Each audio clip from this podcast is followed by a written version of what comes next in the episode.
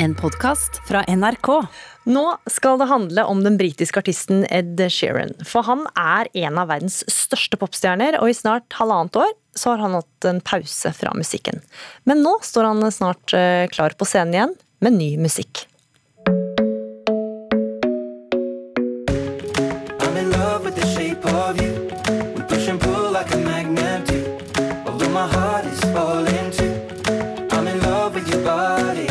Ed Sheeran er en av de best selgende artistene, den nest mest strømme artisten, og låta hans 'Shape of You' er den aller mest avspilte låta gjennom tidene på Spotify. Prestasjoner han selv ikke bryr seg så mye om, fordi rekorder kan bli slått. The thing is with records, they always get broken by other people. It's not like it defines my career, because if it defined my career and then someone beat it, then suddenly your career's worthless.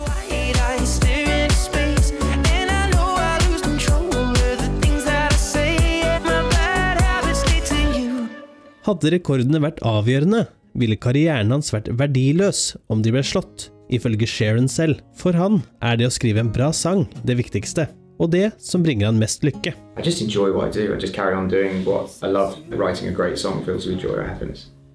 Det er ingen tilfeldigheter bak suksessen.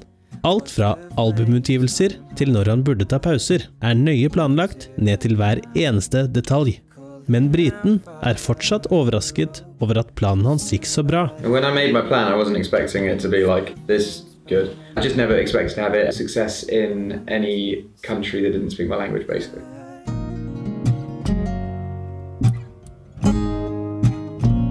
And if we should die. Det er suksess i land som ikke har engelsk som morsmål han trekker frem som mest overraskende. Men suksess eller ei, møtet med musikkindustrien har ikke bare vært lett. I got into the business thinking everyone was my best friend. I think like whenever anything breaks my heart nowadays, I just go, it's the music business. Selv de han trodde var venner i starten, viste seg å ha sine baktanker. Because sometimes people make decisions that harm me, and they make those decisions because it benefits them, and it, that's just business. It doesn't work both ways.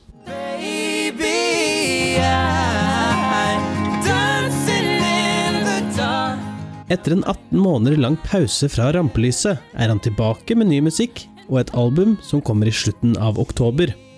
Etter ti år i bransjen er han fortsatt ikke redd for å gå tom for ideer til ny musikk. Because life changes every single day. There's always something to write about. We found love right where we are.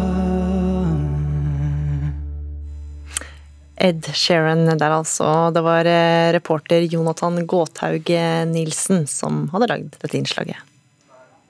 Fredag ettermiddag den 13. mars 2020 så fikk Espen Rostrup Nakstad, lege og da sjef for CBRNE-senteret ved Ullevål sykehus, han fikk forespørselen om å vikariere som assisterende helsedirektør etter at store deler av ledelsen i Helsedirektoratet var havnet i karantene.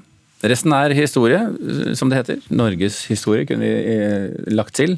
Og ikke bare det, den er skrevet av ham selv. Den har fått eh, navnet Kode rød, kampen for det vakre, og er en bok som eh, vår litteraturkritiker Knut Hoem har lest. God morgen, Knut. God morgen.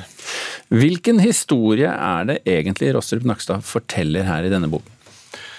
Ja, Først så begynner han egentlig om å snakke om det nye språket som vi alle måtte lære oss litt som bardus i mars eh, 2020. Alle disse rare ordene som vi kanskje egentlig ikke kunne betydningen av. altså Koronaen ble jo kåret til årets nyår, nyord, men du har jo også kohort, f.eks.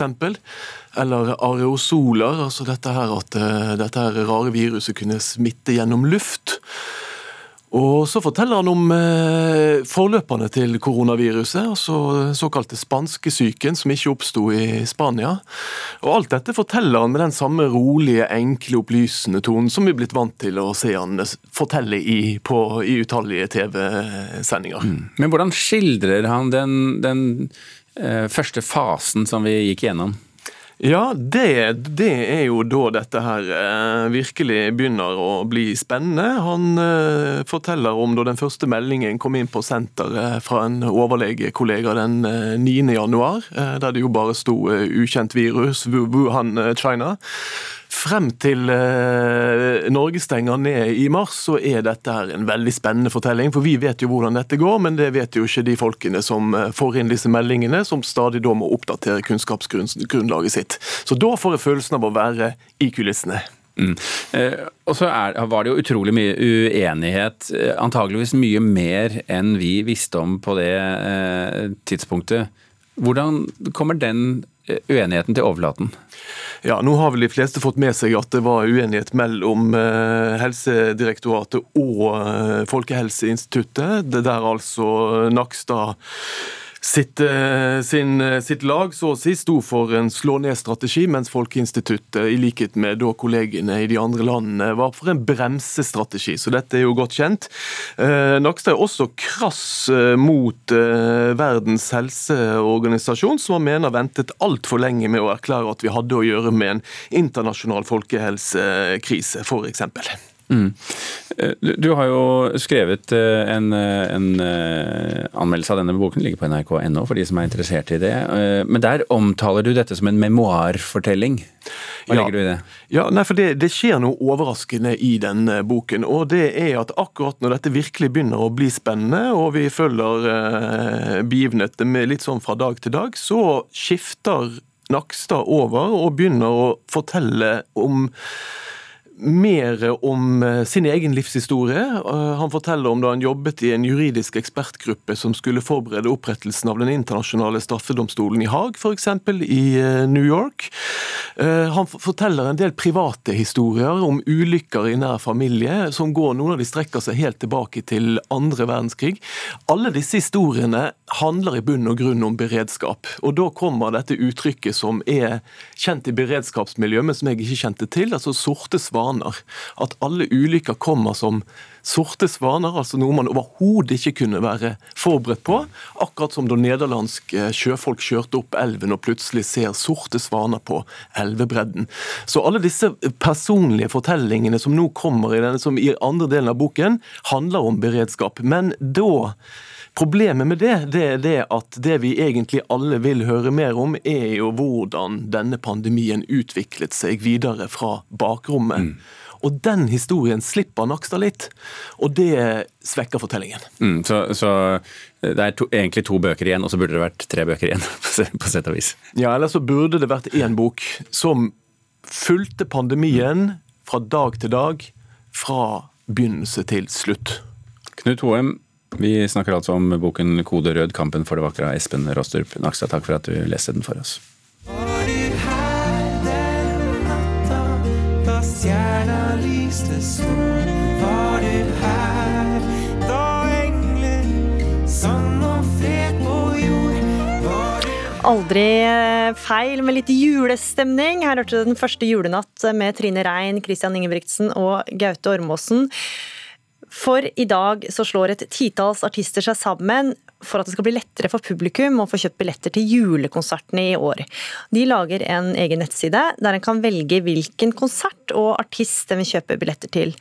Og to av de som gjør dette her, det er Trine Rein og Christian Ingebrigtsen. God morgen, det er kanskje litt seint å si det, men velkommen til Nyhetsmorgen. Tusen takk for det. Dere har sikkert vært oppe lenge allerede. Eh, Christian Ingebrigtsen, hvorfor gjør dere dette? Nei, altså I fjor, eller ja, faktisk for to år siden nå, eh, så begynte jo disse koronaproblemene. Og det eh, gjorde det vanskelig for veldig mange av turneene. Og da fant vi ut at det var kanskje ikke så dumt å snakke litt sammen. Og finne gode løsninger på hvordan vi skal ja, finne ut av disse støtteordningene. Eh, hva skal vi gjøre med turneen? Og og så ble det faktisk til at ja, det var ikke så dumt å snakke sammen om andre ting også. Dele erfaringer. Og når man jobber sammen, så ja, og ønsker de andre vel også, så blir det kanskje ja, litt mindre konkurranse, og så går det faktisk bedre for en selv også, etter hvert, tenker jeg. Men uh, Trine Rein, da, hvor vanskelig er det egentlig å finne fram til disse konsertene i dag? Hvorfor er det behov for en sånn side?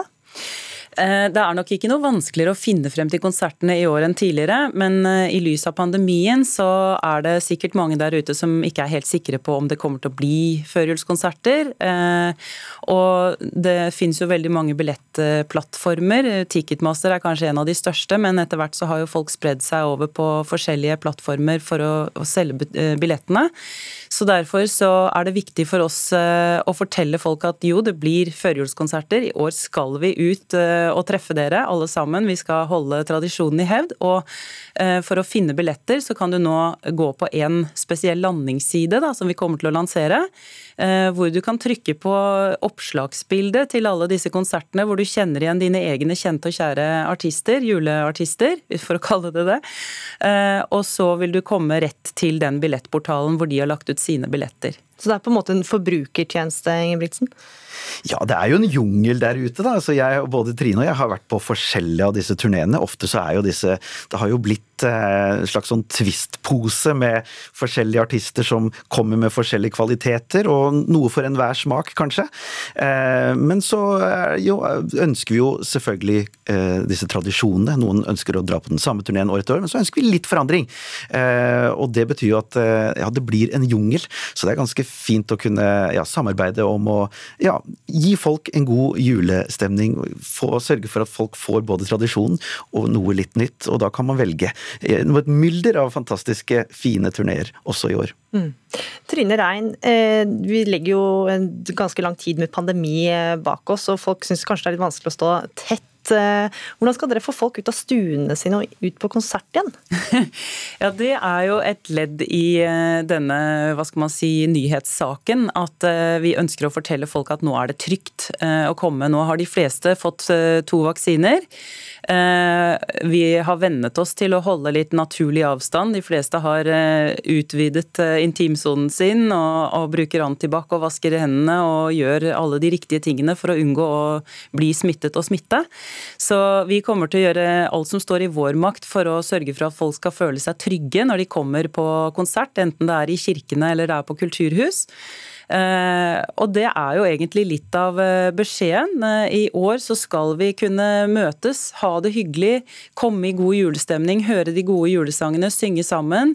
Og det er ikke noe større smittefare på konsert enn det er i butikken eller på restauranter og puber. Det er akkurat like trygt som det er ellers i samfunnet. Kristian Ingebrigtsen, hva, hva gleder du deg mest til?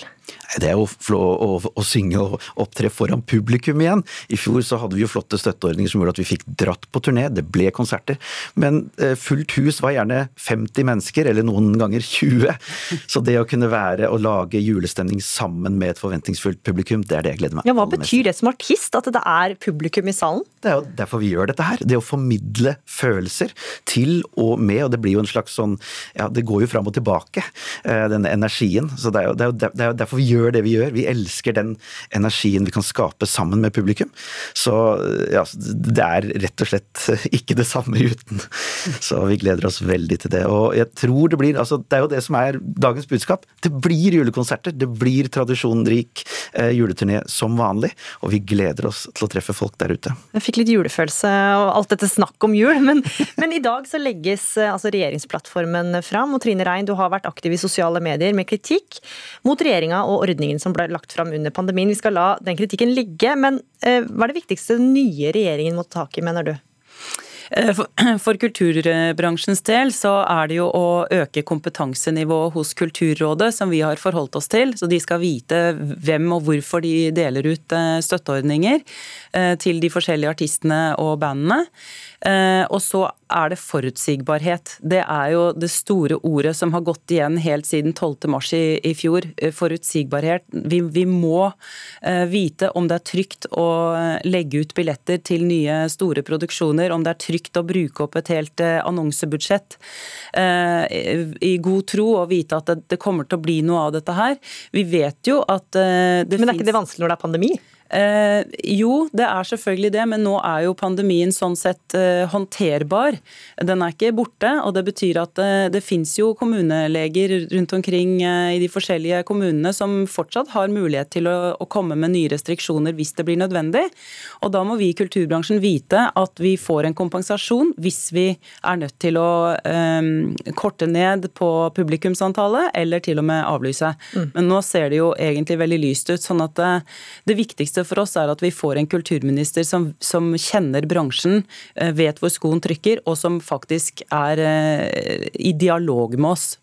Og hvem det blir, eh, får vi svar på i morgen, for da blir statsrådkabalen delt ut. Takk for at dere var med i Nyhetsmorgen, Trine Rein og Christian Ingebrigtsen. Takk for oss. Du har hørt en podkast fra NRK. Hør flere podkaster og din NRK-kanal i appen NRK Radio.